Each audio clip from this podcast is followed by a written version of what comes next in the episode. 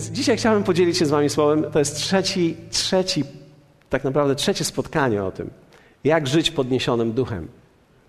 Wiecie, żyjemy w tak negatywnym świecie, że cokolwiek jest pozytywnego, my to łakniemy zaraz. I dzisiaj chciałbym powiedzieć Wam o czymś, co myślę, że jest jedną z wspanialszych doświadczeń, którą mamy w Bogu. To jest doświadczenie Jego domu.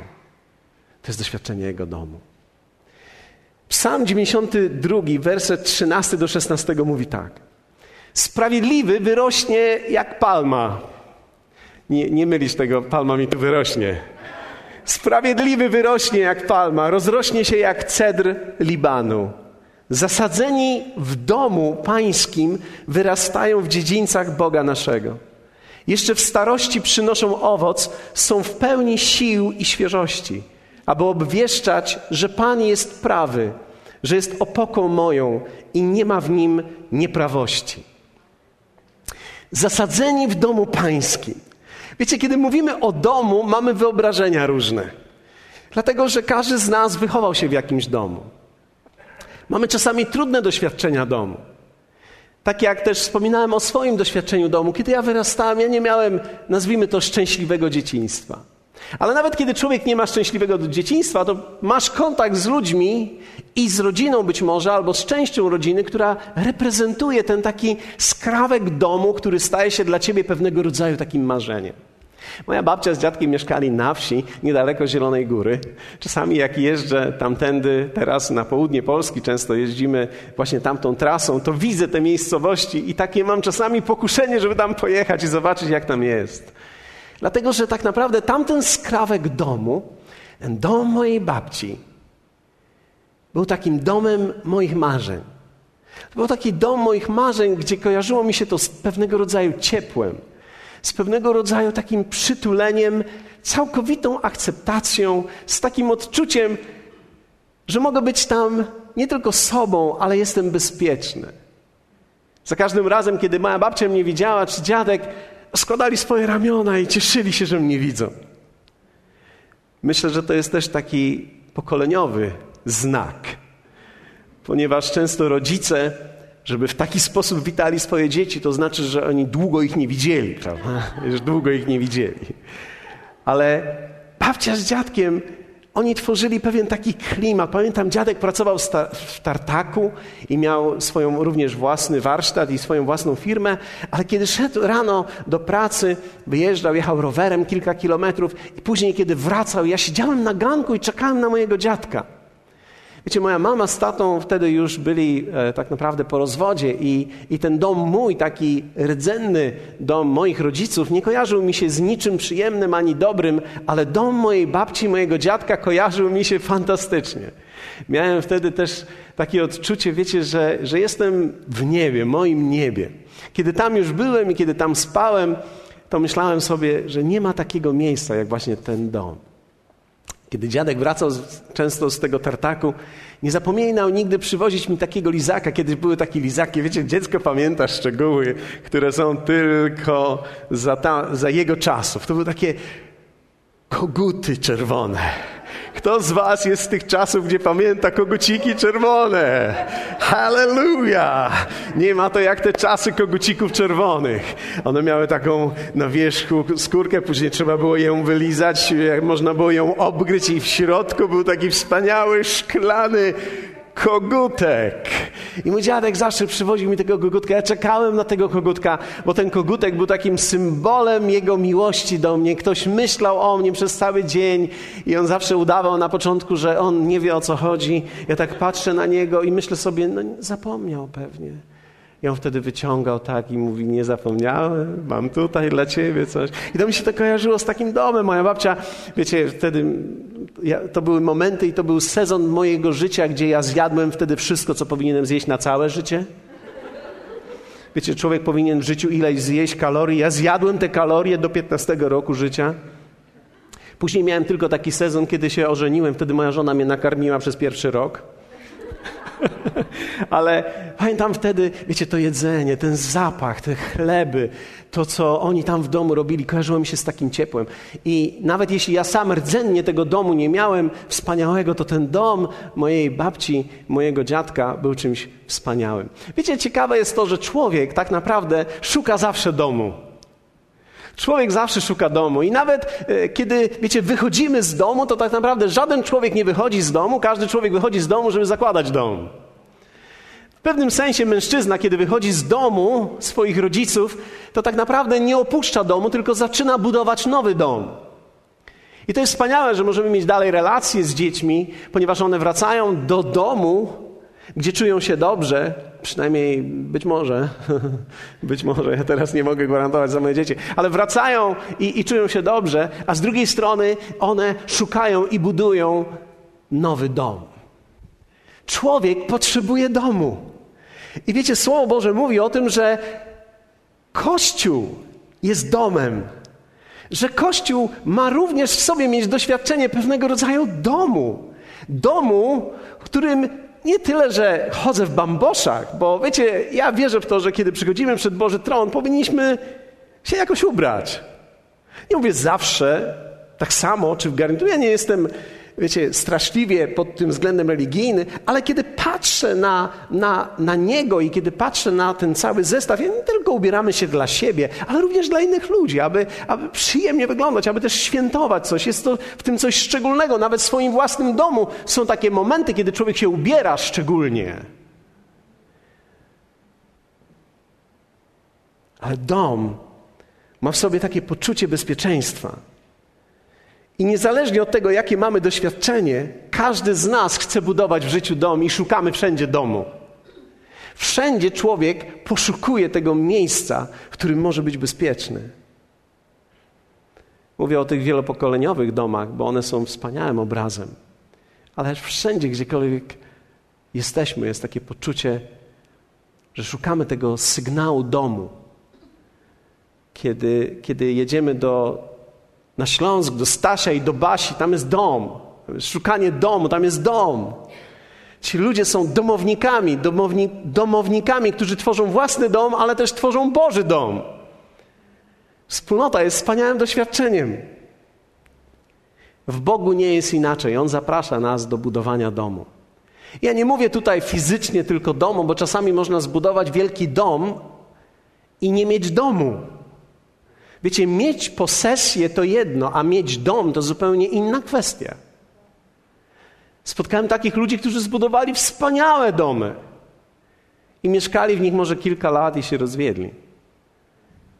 Wiecie, dlatego że domu nie tworzą ani meble, ani ściany, ani tapety, ani piękne żyrandole, ale dom tworzą ludzie. Atmosferę, która w nim jest. I tego się szuka tak naprawdę. Dlatego, że, wiecie, ja, ja dlatego też nie wierzę w to, że, że budynek tworzy dom. W budynku można dom uczynić. I my w tym nowy, na tej nowej sali, my nie tylko chcemy zaprosić ludzi do sali, my chcemy zaprosić ich do domu. Czyli zaprosić ich do ludzi. Zaprosić ich do ludzi. Ponieważ ludzie i atmosfera tworzy ten dom. Bóg zaprasza ciebie i mnie do budowania domu. Dawid był tak zakochany w tym, że opowiada o tym w nieprawdopodobnych, wiecie, emocjach. W Psalmie 84 mówi tak: O jak miłe są przybytki Twoje, Panie zastępów. Dusza moja wzdycha. Powiedzmy razem: Oh. Wiecie, no właśnie, to jest takie odczucie. O, kiedy ostatni raz wzdychałeś do czegoś? Wiecie, dusza moja wzdycha i dalej omdlewa. I teraz kobiety. O, kobiety mogą zrobić. O. Omdlewa z tęsknoty do przedsionków pańskich. Serce moje i ciało woła radośnie do Boga żywego. I dalej mówi werset czwarty tak. Nawet wróbel znalazł domek, a jaskółka gniazdo dla siebie, gdzie składa pisklęta swoje. Tym są ołtarze Twoje, Panie zastępów, Królu mój i Boże mój. Wiecie, jeszcze takiego porównania to ja nie znalazłem nigdy jeszcze. Wyobraźcie sobie, że Dawid mówi, że Twój ołtarz, Panie, Nie mamy tu ołtarza, ale scena, Twoje miejsce chwały, to miejsce, w którym Ty przebywasz, jest dla mnie jak gniazdo dla jaskółki. Gdzie tak ona wpada do tego gniazda i się tak ach, rozkokosi jest u siebie. To wcale nie oznacza się rozpycha, tylko czuje się bezpiecznie, nie jest zagrożona. I Dawid mówi, właśnie takie są ołtarze Twoje, takie są Twoje przedsionki, Twoje przebywanie jest właśnie takie, że kiedy wchodzę, czuję się, że jest, znalazłem miejsce bezpieczeństwa, znalazłem miejsce oddania, znalazłem miejsce miłości, znalazłem miejsce akceptacji, znalazłem miejsce, które jest moim duchowym domem. I wiecie, myślę, że kiedy ludzie doświadczą też duchowego domu, o wiele łatwiej jest budować swoje własne domy. O wiele prościej jest budować swoje własne rodziny, kiedy człowiek znajdzie też umiłowanie w domu Bożym i kiedy znajdzie dom Boży, miejsce, w którym ma rodzinę, ludzi, z którymi może być, ludzie, którzy się niego troszczą, modlą, myślą o nim. Oczywiście jest też inna część domu czy rodziny, rozumiecie mnie? Niektórzy mówią, że z rodziną najlepiej wychodzi się na zdjęciu. Ale myślę, że bez względu na to, jak trudne jest to doświadczenie rodziny, ponieważ ono jest też trudne, ono nie jest wcale takie proste, to jednak istnieje coś w domu, czego wszyscy szukamy. Wiecie, to jest troszeczkę tak, kiedy kobiecie nie wyjdzie w jednym miejscu, w jednym związku, to ona wtedy nie mówi, no trudno, takie jest życie, koniec, tylko ona w jakiś sposób podświadomie otwiera się i szuka nowego miejsca i nowego związku. Dlaczego? Ponieważ to pragnienie domu, pragnienie oddania się, pragnienie tworzenia czegoś wyjątkowego jest w człowieku przez cały czas. Ja nie chcę teraz mówić, to jest dobrze czy źle, ale chcę powiedzieć, że wiecie, człowiek nawet kiedy ma złe doświadczenia, w dalszym ciągu będzie poszukiwał domu. Dlatego, że człowiek nie może żyć bez domu. Wiecie, są ludzie, którzy mówią: A, ja mam złe doświadczenia kościoła, nie będę chodził do kościoła. A jednak, mimo wszystko, ci ludzie zachodzą do kościoła. I ci ludzie, którzy mówią, że mają złe doświadczenia z Kościołem, spotykają się z innymi wierzącymi. Dlaczego? Ponieważ nie można żyć bez poczucia domu i bez wspominania domu, bez tak naprawdę ludzi innych, którzy tworzą razem ze mną ten dom. Ja tego potrzebuję, każdy człowiek tego potrzebuje. I ty, nawet jeśli tutaj jesteś i może powiesz, to nie ja, ja wszystko już mam, też tego potrzebujesz. Potrzebujesz tego i musimy sobie to uświadomić. I Dawid mówi dalej: Błogosławieni, którzy w domu Twoim mieszkają. Mówi o tych ludziach szczęśliwi. Powiedzmy razem słowo szczęśliwi. Szczęśliwi ludzie, którzy w Twoim domu mieszkają. Myślę, że to słowo tutaj to jest błogosławienie, oczywiście w hebrajskim to jest błogosławiony, szczęśliwy, pewnego rodzaju emocja, która jest z tym związana. Szczęśliwy i błogosławiony jest człowiek, który w Twoim domu mieszka. Wcale nie oznacza, że, że to jest takie łatwe. Ale wiecie, szczęście w życiu to nie jest łatwość. Szczęście to jest umiejętność również pokonania czegoś. Dlatego, że istnieje również doświadczenie domu, które jest realnym doświadczeniem, które też jest trudnym doświadczeniem. Kto z Was pamięta z Ewangelii Łukasza przypowieść o dwóch synach? Wiecie, jest to jedna z najbardziej znanych przypowieści, gdzie wszyscy słyszą marnotrawny syn, no cóż może być nowego w przypowieści o synu marnotrawnym. Ja nie wiem, czy to będzie nowe dla ciebie, dlatego że jest wielu ludzi, którzy mają nieprawdopodobne poznanie, mają tak wielkie poznanie w Bogu, że ja się ich boję. Ale te słowa mówią tak. Pewien człowiek miał dwóch synów i rzekł młodszy z nich ojcu: Ojcze, daj mi część majątności, która do mnie, dla mnie przypada. Wtedy ten rozdzielił im majętność, a po niewielu dniach młodszy syn zabrał wszystko i odjechał do dalekiego kraju i tam roztrwonił swój majątek, prowadząc rozwiązłe życie. A gdy, wydało, a gdy wydał wszystko, nastał wielki głód w owym kraju i on zaczął cierpieć niedostatek. Poszedł więc i przystał do jednego z obywateli owego kraju, a ten wysłał go do swej posiadłości wiejskiej, aby pasł świnie. I pragnął napełnić brzuch swój omłotem, którym karmiły się świnie, lecz nikt mu nie dawał. A wejrzawszy w siebie, rzekł: Iluż to najemników ojca mojego ma pod dostatkiem chleba, a ja tu z głodu ginę. Wstanę i pójdę do ojca mego i powiem mu: Ojcze, zgrzeszyłem przeciwko niebu i przeciwko tobie. Już nie jestem godzien nazywać się synem twoim, uczyń ze mnie jednego z najemników swoich. Wstał i poszedł do ojca swego, a gdy jeszcze był daleko, ujrzał go jego ojciec, użalił się i pobiegłszy, rzucił mu się na szyję i pocałował go. Syn zaś rzekł do niego: Ojcze, zgrzeszyłem przeciwko niebu, przeciwko tobie. Już nie jestem godzien nazywać się synem twoim. Ojciec zaś rzekł do sług swoich: Przynieście szybko najlepszą szatę i ubierzcie go. Dajcie też pierścień na jego rękę i sandały na nogi i przyprowadźcie tuczne ciele. Zabijcie je, jedzmy i weselmy się. Dlatego, że ten syn mój był umarły, a ożył, zaginął, a odnalazł się i zaczęli się weselić. Starszy zaś syn jego był w polu, a gdy wracając zbliżył się do domu, usłyszał muzykę i tańce. I przywoławszy jednego ze sług, pytał, co to jest. I dalszą historię też znacie. Wiecie, dom jest niesamowitym miejscem, ale okazuje się, że człowiek może odejść z domu. Dlatego, że dom ma w sobie tak wiele akceptacji, dom ma w sobie tak wiele wolności, dom ma w sobie tak wiele tych pozytywnych emocji, które nas ugruntowują w tym, kim naprawdę jesteśmy, że możemy to zlekceważyć i odejść. Dom ma w sobie tak wiele miłości, że możemy to przyjąć jako normę, i miłość ma w sobie jedną ważną cechę: pozwala nam odejść. Pozwala nam odejść. Wiecie, Biblia mówi tak, Bóg umiłował świat, że dał swojego Syna. Ale z drugiej strony, zanim to się stało, chciałbym, żebyście zobaczyli, że Bóg tak bardzo umiłował człowieka, że pozwolił mu odejść. Pozwolił mu wybrać. Zatem w miłości istnieje również to zagrożenie nierozpoznania tego prawdziwego związku i możliwości odejścia. Ciekawą rzeczą jest to, że można wrócić do domu. I człowiek, kiedy wraca do domu, ciekawe jest to, że kiedy człowiek wraca do domu, najpierw spotyka ojca. Ojca spotyka na polu przed domem. Inaczej mówiąc, kiedy człowiek wraca, kiedy człowiek ma wrócić do domu, najpierw spotyka się z Bogiem. Tylko, że spotyka się z nim i z jego sługami. Więc wtedy czujesz, że jesteś obsłużony. Powiedzmy razem, obsłużony. To jest tak, jak wchodzisz czasami do kościoła i my chcemy, żeby tak było, ale wchodzisz do kościoła i nagle czujesz, że ludzie są uprzejmi.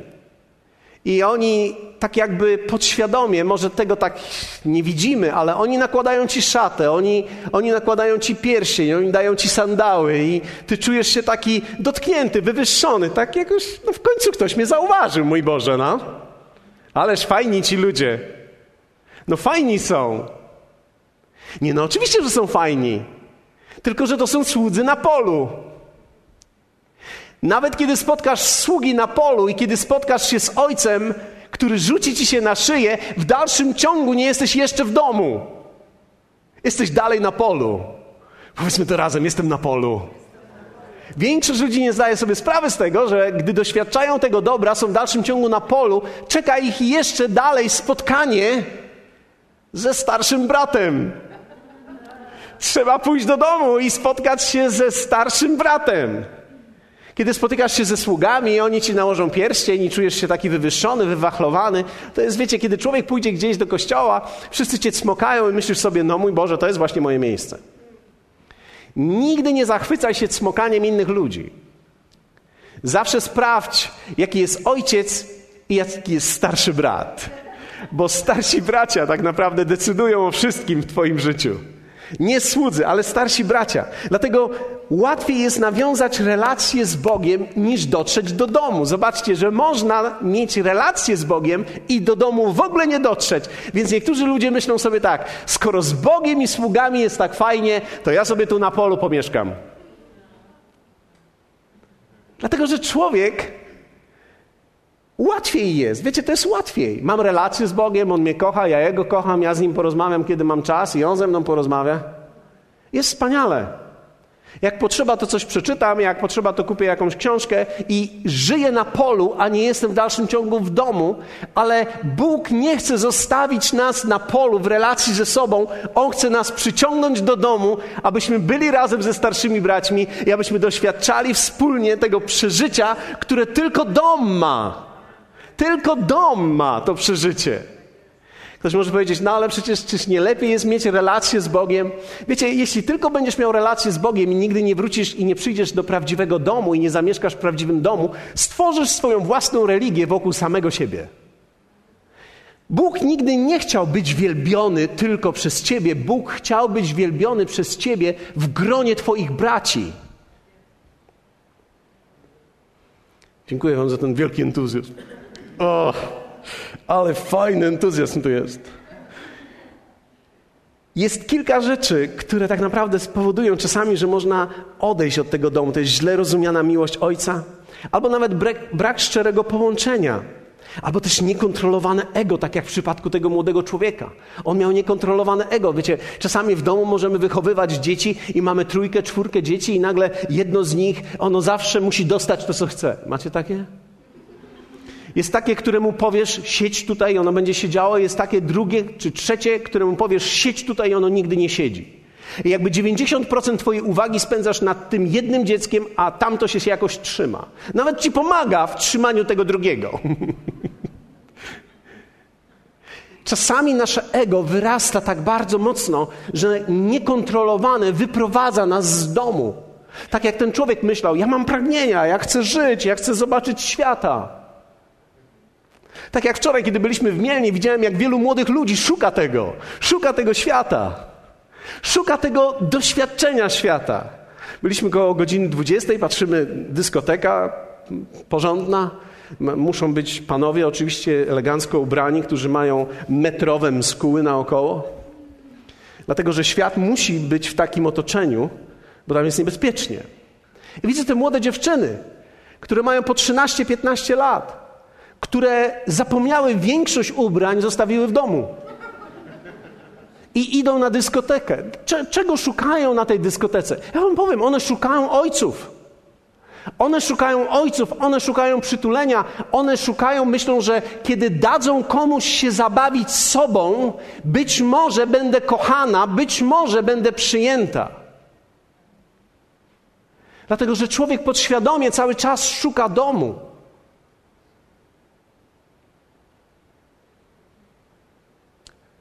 Ego może wyprowadzić nas z tego domu.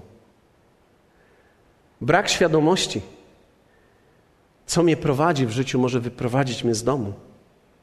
I ktoś może powiedzieć, no w takim razie, skoro dom to nie jest tylko Bóg, i to nie jest tylko pole, i to nie są tylko słudzy, to jak żyć z tym starszym bratem? Jak być w tym domu i nie zgrzytać?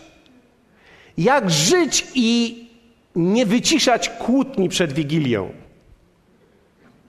Ktoś z Was miał kiedyś Wigilię w swoim własnym domu? Wiecie, jak to jest? Jak, jak, jak mama, jak żona jest podminowana, bo coś nie wychodzi. I wtedy trzeba się, tak wszyscy patrzymy tylko na siebie, uspokajamy, próbujemy uspokoić psy, jednego, drugiego, trzeciego, nakładamy na nich ręce. Mówimy, ty się módl, raz chodzimy i, i zastanawiamy się, czy przetrwamy bez wybuchu Wigilię, czy zdążymy przeczytać pismo, żeby wyglądało, że jesteśmy chrześcijanami. Hallelujah. To jest normalne, jeśli masz takie doświadczenia, nie przejmuj się. To są normalne doświadczenia też domu. To są normalne doświadczenia domu, że czasami nie jesteś w stanie upilnować emocji, czasami nie jesteś w stanie upilnować różnych kwestii, więc te burze czasami są normalne, one się zdarzają.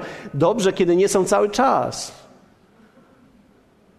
Ale od czasu do czasu kto z Was cieszy się, że, że jest taka oczyszczająca burza?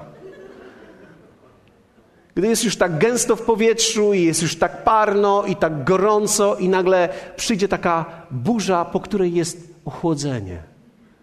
I tak czujemy, że to taka nas odświeża. Ponieważ w domu nie może być tylko gorąco.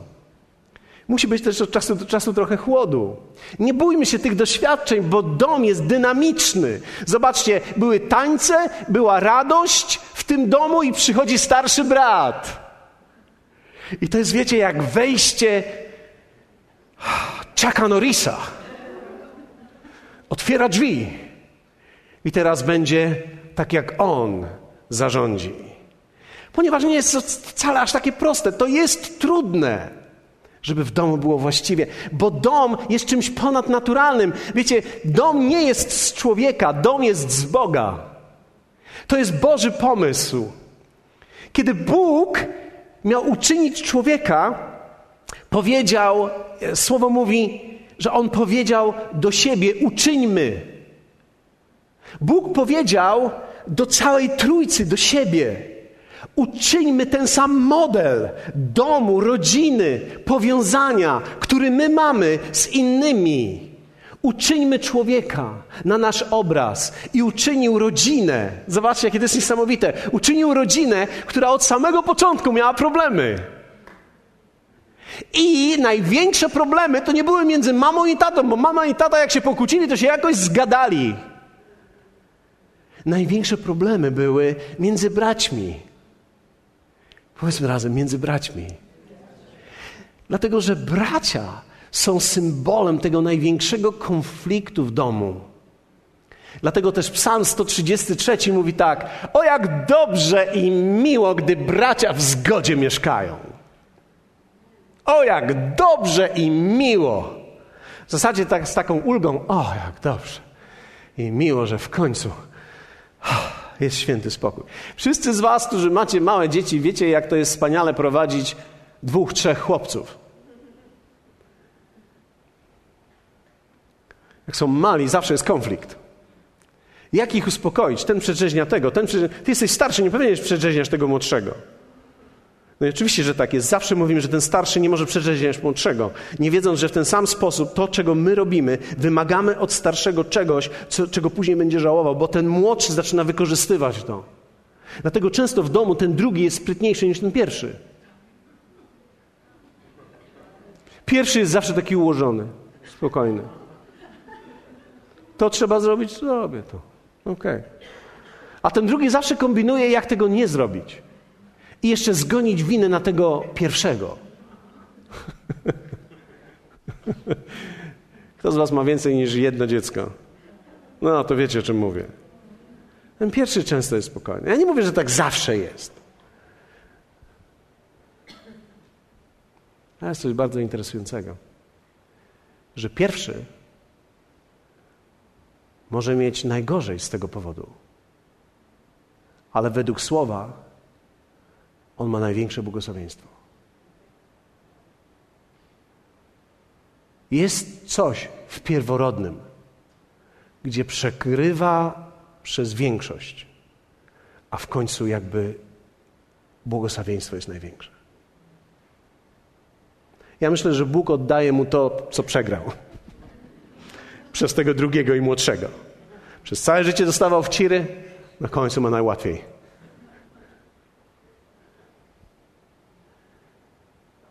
A więc dom nie powstał na ziemi.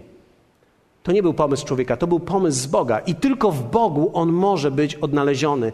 I nie jestem dzisiaj zbyt wielkim, wiecie, człowiekiem, który się zastanawia, czy tak jest, czy nie, ja wiem o tym, że stworzenie Bożego, dobrego domu jest ponadnaturalne i jest niemożliwe po ludzku. Ludzie się mogą ułożyć i mogą się dogadać, ale ludzie nie mogą tworzyć domu i klimatu Bożego, jeśli Boga w tym nie ma. Dlatego wszystko zaczyna się od domu Bożego. Czy wiecie, że zwróciłem uwagę na to, że tak jak ludzie traktują dom Boży, tak w konsekwencji będą mieli swój dom ułożony? To jest bardzo ciekawe. Że ludzie, którzy nie traktują domu Bożego jak domu, w którym chcą być razem, mają straszliwe problemy w swoim własnym domu. I okazuje się, że jeśli masz problemy w swoim własnym domu, a żyjesz w domu Bożym, to ten dom Boży zachowa cię i ułożysz sobie życie. To jest ciekawe. Muszę powiedzieć Wam, że to jest niesamowite, jak to, że byliśmy od początku naszego młodego życia w domu Bożym, On zachował nasze życie. Ja nie wiem, czy byłbym z moją żoną dzisiaj, gdyby nie to, że byliśmy w domu Bożym. Dom Boży zachował nas, nauczył nas przebaczać, nauczył nas przeczekać. To dobrze, że jest więcej niż jedno krzesło w kościele i że są rzędy i że są filary. Chwała Bogu za filary, za rzędy. Czasami widzimy, jak ludzie siadają, jedno tu, drugie tam. Nie wiemy dlaczego, ale my wiemy. Oni wiedzą. Nie będę z tobą siedział. Nie będę koło ciebie siedziała. To jest w porządku. To jest w porządku. Niech tak będzie, Niech tak będzie. Niech ten się spotka z Bogiem, ta się spotka z Bogiem i w konsekwencji jakoś się zejdą razem. Jest odpowiedź na to. Macie jeszcze chwilę? I zaraz wszyscy pójdziemy na plażę. Nie, nie martwcie się, ale posłuchajcie tego. Pierwszy Jana, jeden, pierwszy rozdział, werset 5 do 7. To jest odpowiedź dla nas, jak możemy przyjść do domu. A zwiastowanie, które słyszeliśmy od Niego i które Wam ogłaszamy, jest takie, że Bóg jest światłością, a nie ma w nim żadnej ciemności. Powiedzmy żadnej. Jest dla nas niewyobrażalne, ale żadnej ciemności. I teraz dalej mówi tak: jeśli mówimy, że z nim społeczność mamy, a chodzimy w ciemności, kłamiemy i nie trzymamy się prawdy. Jeśli zaś chodzimy w światłości, jak on sam jest w światłości, społeczność mamy z sobą. I krew Jezusa Chrystusa, syna Jego, oczyszcza nas od wszelkiego grzechu. Więc jeśli chodzimy w światłości, jak On sam jest światłością, będziemy mieli społeczność ze sobą. Rozszerzona wersja Biblii, Amplified, mówi tak. Jeśli naprawdę żyjemy i chodzimy w światłości, tak jak On sam jest światłością, mamy prawdziwą i nie do złamania wspólnotę między sobą. I krew Jezusa Chrystusa, Jego Syna, oczyszcza nas i usuwa wszelki grzech i poczucie winy.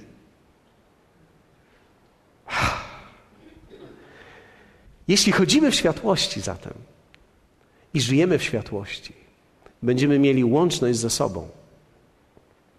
Łączność między nami nie zależy od niczego innego, jak tylko od chodzenia w światłości w Nim. A ona oznacza takie rzeczy. Uwaga, pierwsze. Trzeba zgodzić się na niewygodę w życiu. Życie nie jest stworzone dla naszej wygody, życie stworzone jest dla naszej owocności. Bycie z ludźmi nie jest wygodne. Samemu jest łatwiej. Ja i Bóg na polanie i Jego słudzy, którzy mnie obsługują. Wspaniale. Jest łatwiej. Wiecie, kiedy człowiek mieszka sam, teoretycznie łatwiej się sprząta. Wszystko układasz tak, jak chcesz. Filiżanka ma być tu, nie tam. Nie ma tego konfliktu, gdzie ma być. Ty ją stawiasz tam, gdzie chcesz, żeby była. Podłoga musi lśnić tak, że jak wchodzę, to widzę dokładnie cień niezałamujący się stamtąd tu. Jest łatwiej. Z ludźmi jest trudniej. Samemu jest czyściej, mniej zmywania i mniej sprzątania. Bez gości jest wspaniale. Tymczasem Słowo Boże zachęca nas do gościnności, inaczej mówiąc, bałaganu. Wiecie, moje dzieci, e, pamiętam jak kiedyś pojechaliśmy gdzieś na jakąś, e, w jakąś podróż, gdzie głosiłem i tylko słyszę, e, dzwonią do mnie i mówią Tato, wszyscy tu jesteśmy i teraz robimy wielkie gotowanie w waszym domu. Ja się sobie, wtedy zacząłem się modlić wstawienniczo i mówić Panie, zachowaj wszystkie meble. Panie, zachowaj wysiłek wielu lat.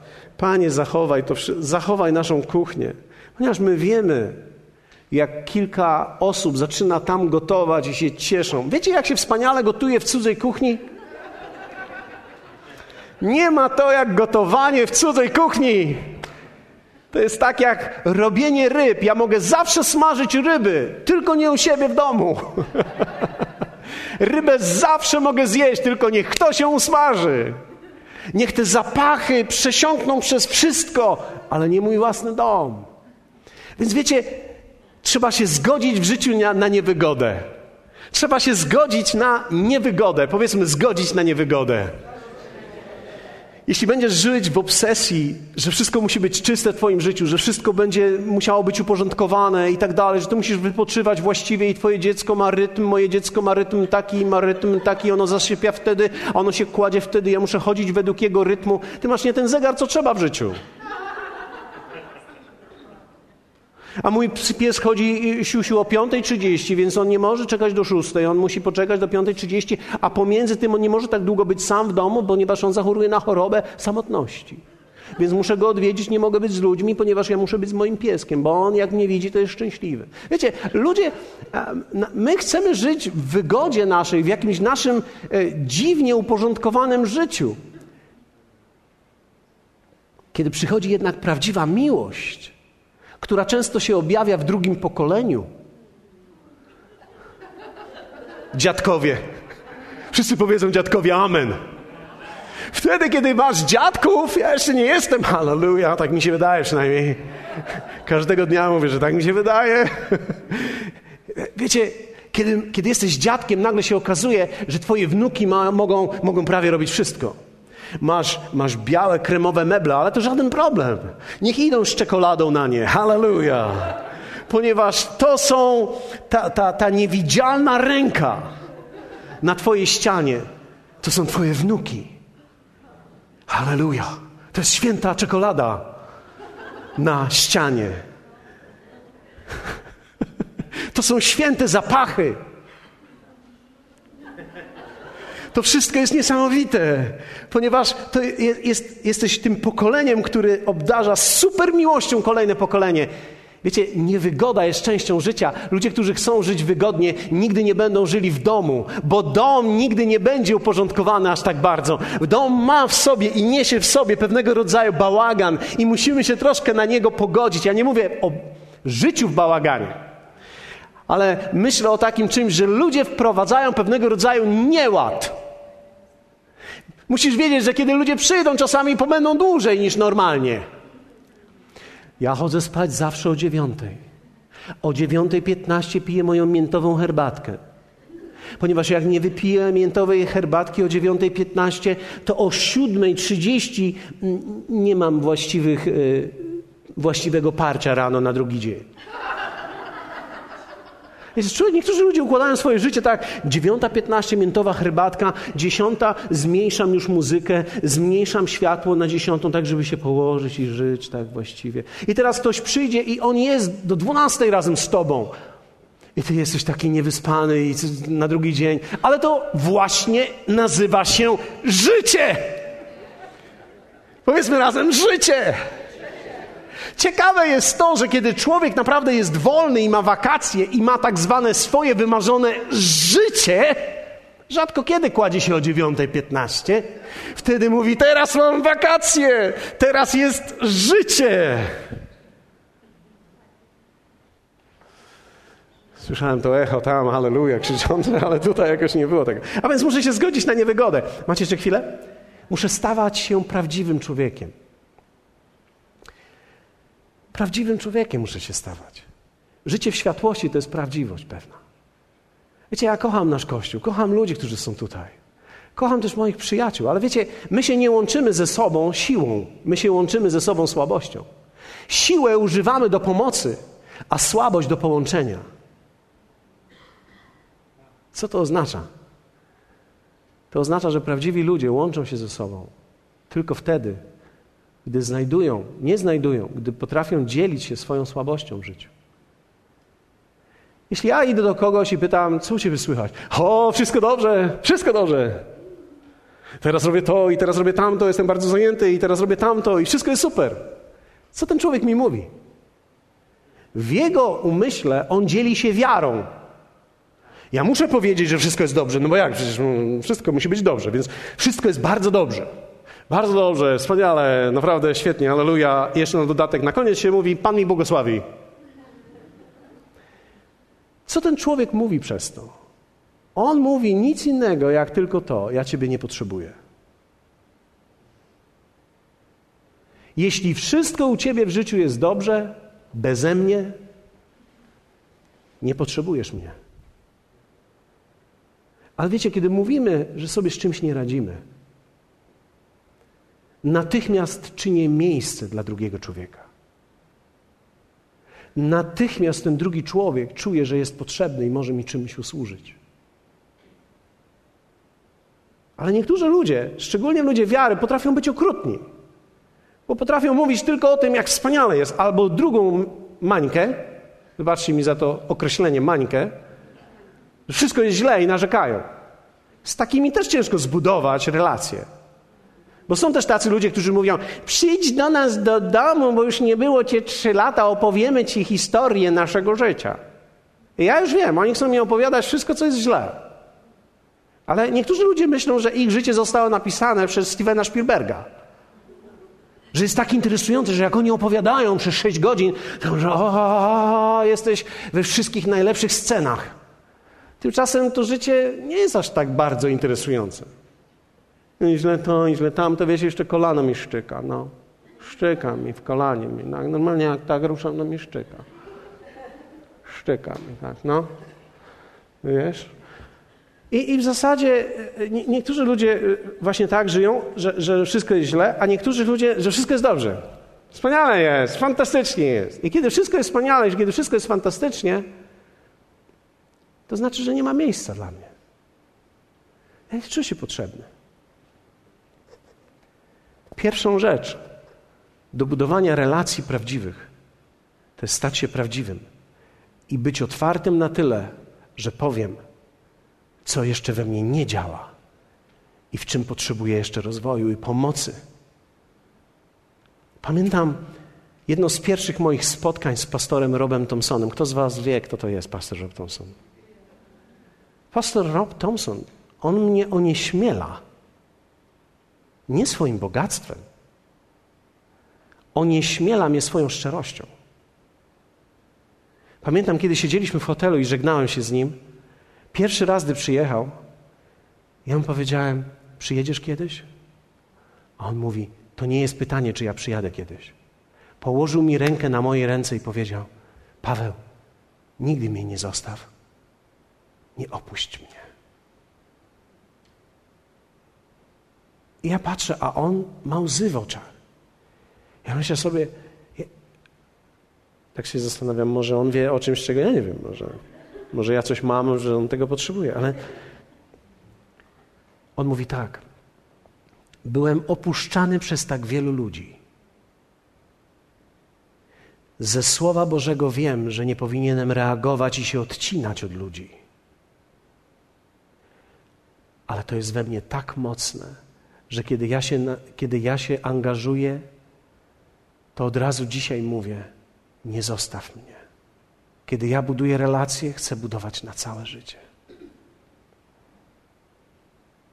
I wtedy ja zobaczyłem, że to jest słaby człowiek. Słaby, który nawet powiedział mi swoją największą tajemnicę słabości, że się boi, że go zostawię.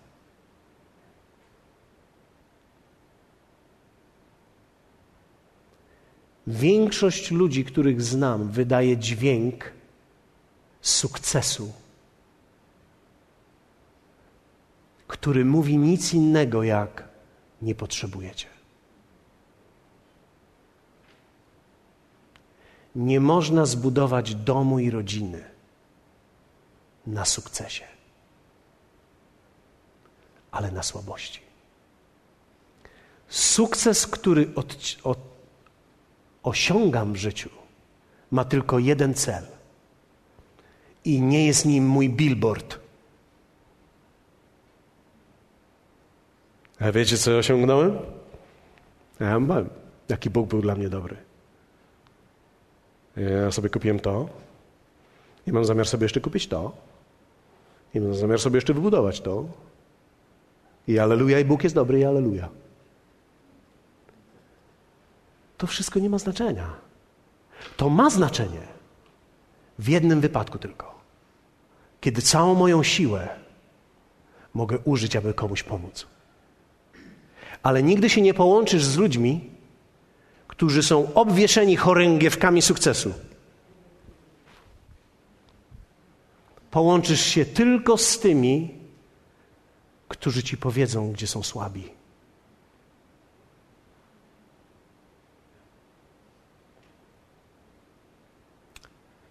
Ja dziękuję Bogu za to, że mam żonę tą, właśnie tą.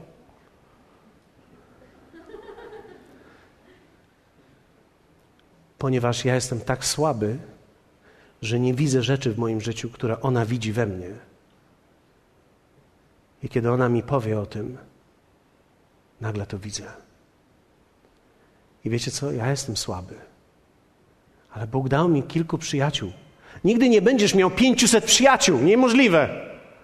Ale możesz mieć kilku, którzy staną się Twoim domem, Twoją grupą, Twoimi współbraćmi, z którymi podróżujesz. Ale musisz stać się prawdziwy. Powiedzmy razem, stać się prawdziwym. To jest trudne. To jest trudniejsze niż myślałem. Pamiętam, jak połączyłem się z Tony Millerem. Usiedliśmy trzy lata temu. Pamiętam ten moment. Usiadłem z nim. Wiecie, człowiek sukcesu, człowiek, który głosił w wielu miejscach, na większości kontynentów, jest zapraszany ciągle, jest niesamowity, jeśli chodzi o służbę. I tymczasem siadam z nim w samochodzie, a on mi mówi: Paweł, ja nie wiem, co mam w życiu robić. I tego dnia poczułem się z nim bardziej połączony niż śledząc wszystkie miejsca, w których był w swoim życiu. Prawdziwość łączy nas z ludźmi. Prawdziwość.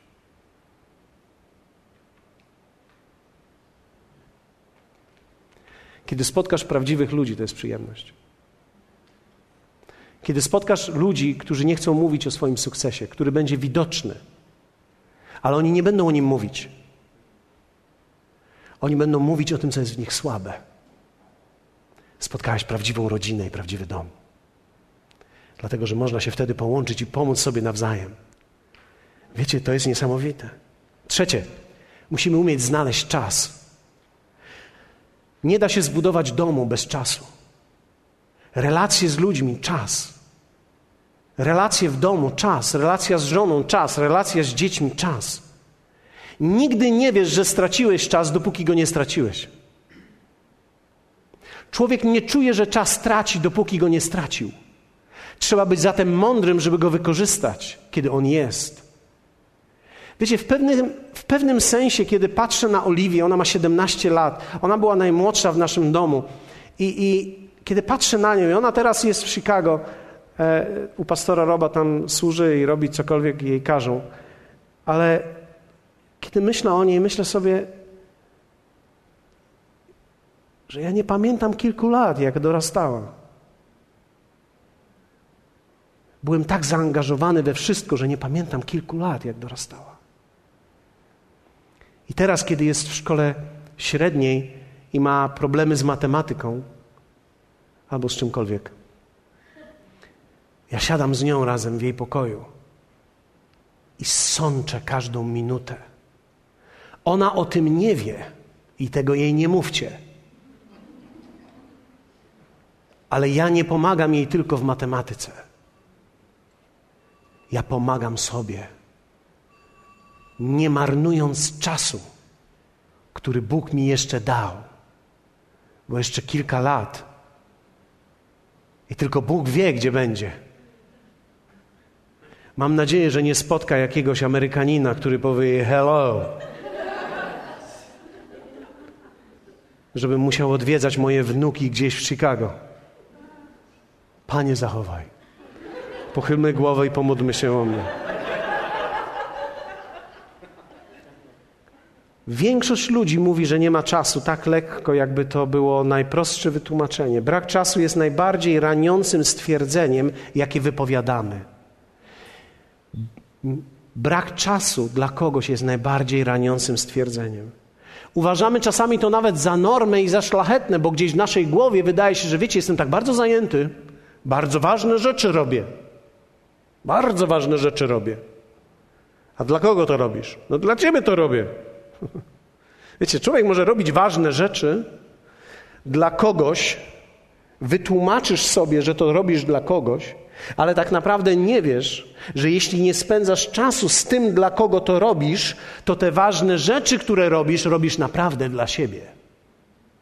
One karmią ciebie bardziej. Bo gdybyś naprawdę coś miał zrobić dla kogoś, dla kogo to robisz, znalazłbyś zawsze czas. Powiedzmy razem czas. I czwarte, ostatnie, zostawiłem na koniec, ale to musimy posłuchać na stojąco, bo muszę dać Wam nadzieję, że kiedyś się to spotkanie skończy. Powstańmy razem. Naucz się sprawiać przyjemność. Nie można zbudować domu, nie tworząc przyjemności względem innych ludzi. Dom to jest dawanie, sprawianie przyjemności. Niektórzy ludzie mówią: Jestem tak samotny, w tłumie jestem samotny, w kościele jestem samotny, w świecie jestem samotny. Pozwól, że ci powiem. Spraw komuś przyjemność, a wróci do ciebie. Dlatego, że Bóg nas tak uczynił, że my zawsze wracamy do przyjemności w naszym życiu. Choćbyś nie wiem, jak się zapierał, to i tak do przyjemności wrócisz. Cokolwiek tworzy w Twoim życiu przyjemność i sygnał przyjemności, będziesz do niego wracał. Spotkanie z ludźmi nie zawsze jest łatwe, ale zawsze może być owocne i prawie zawsze może być przyjemne.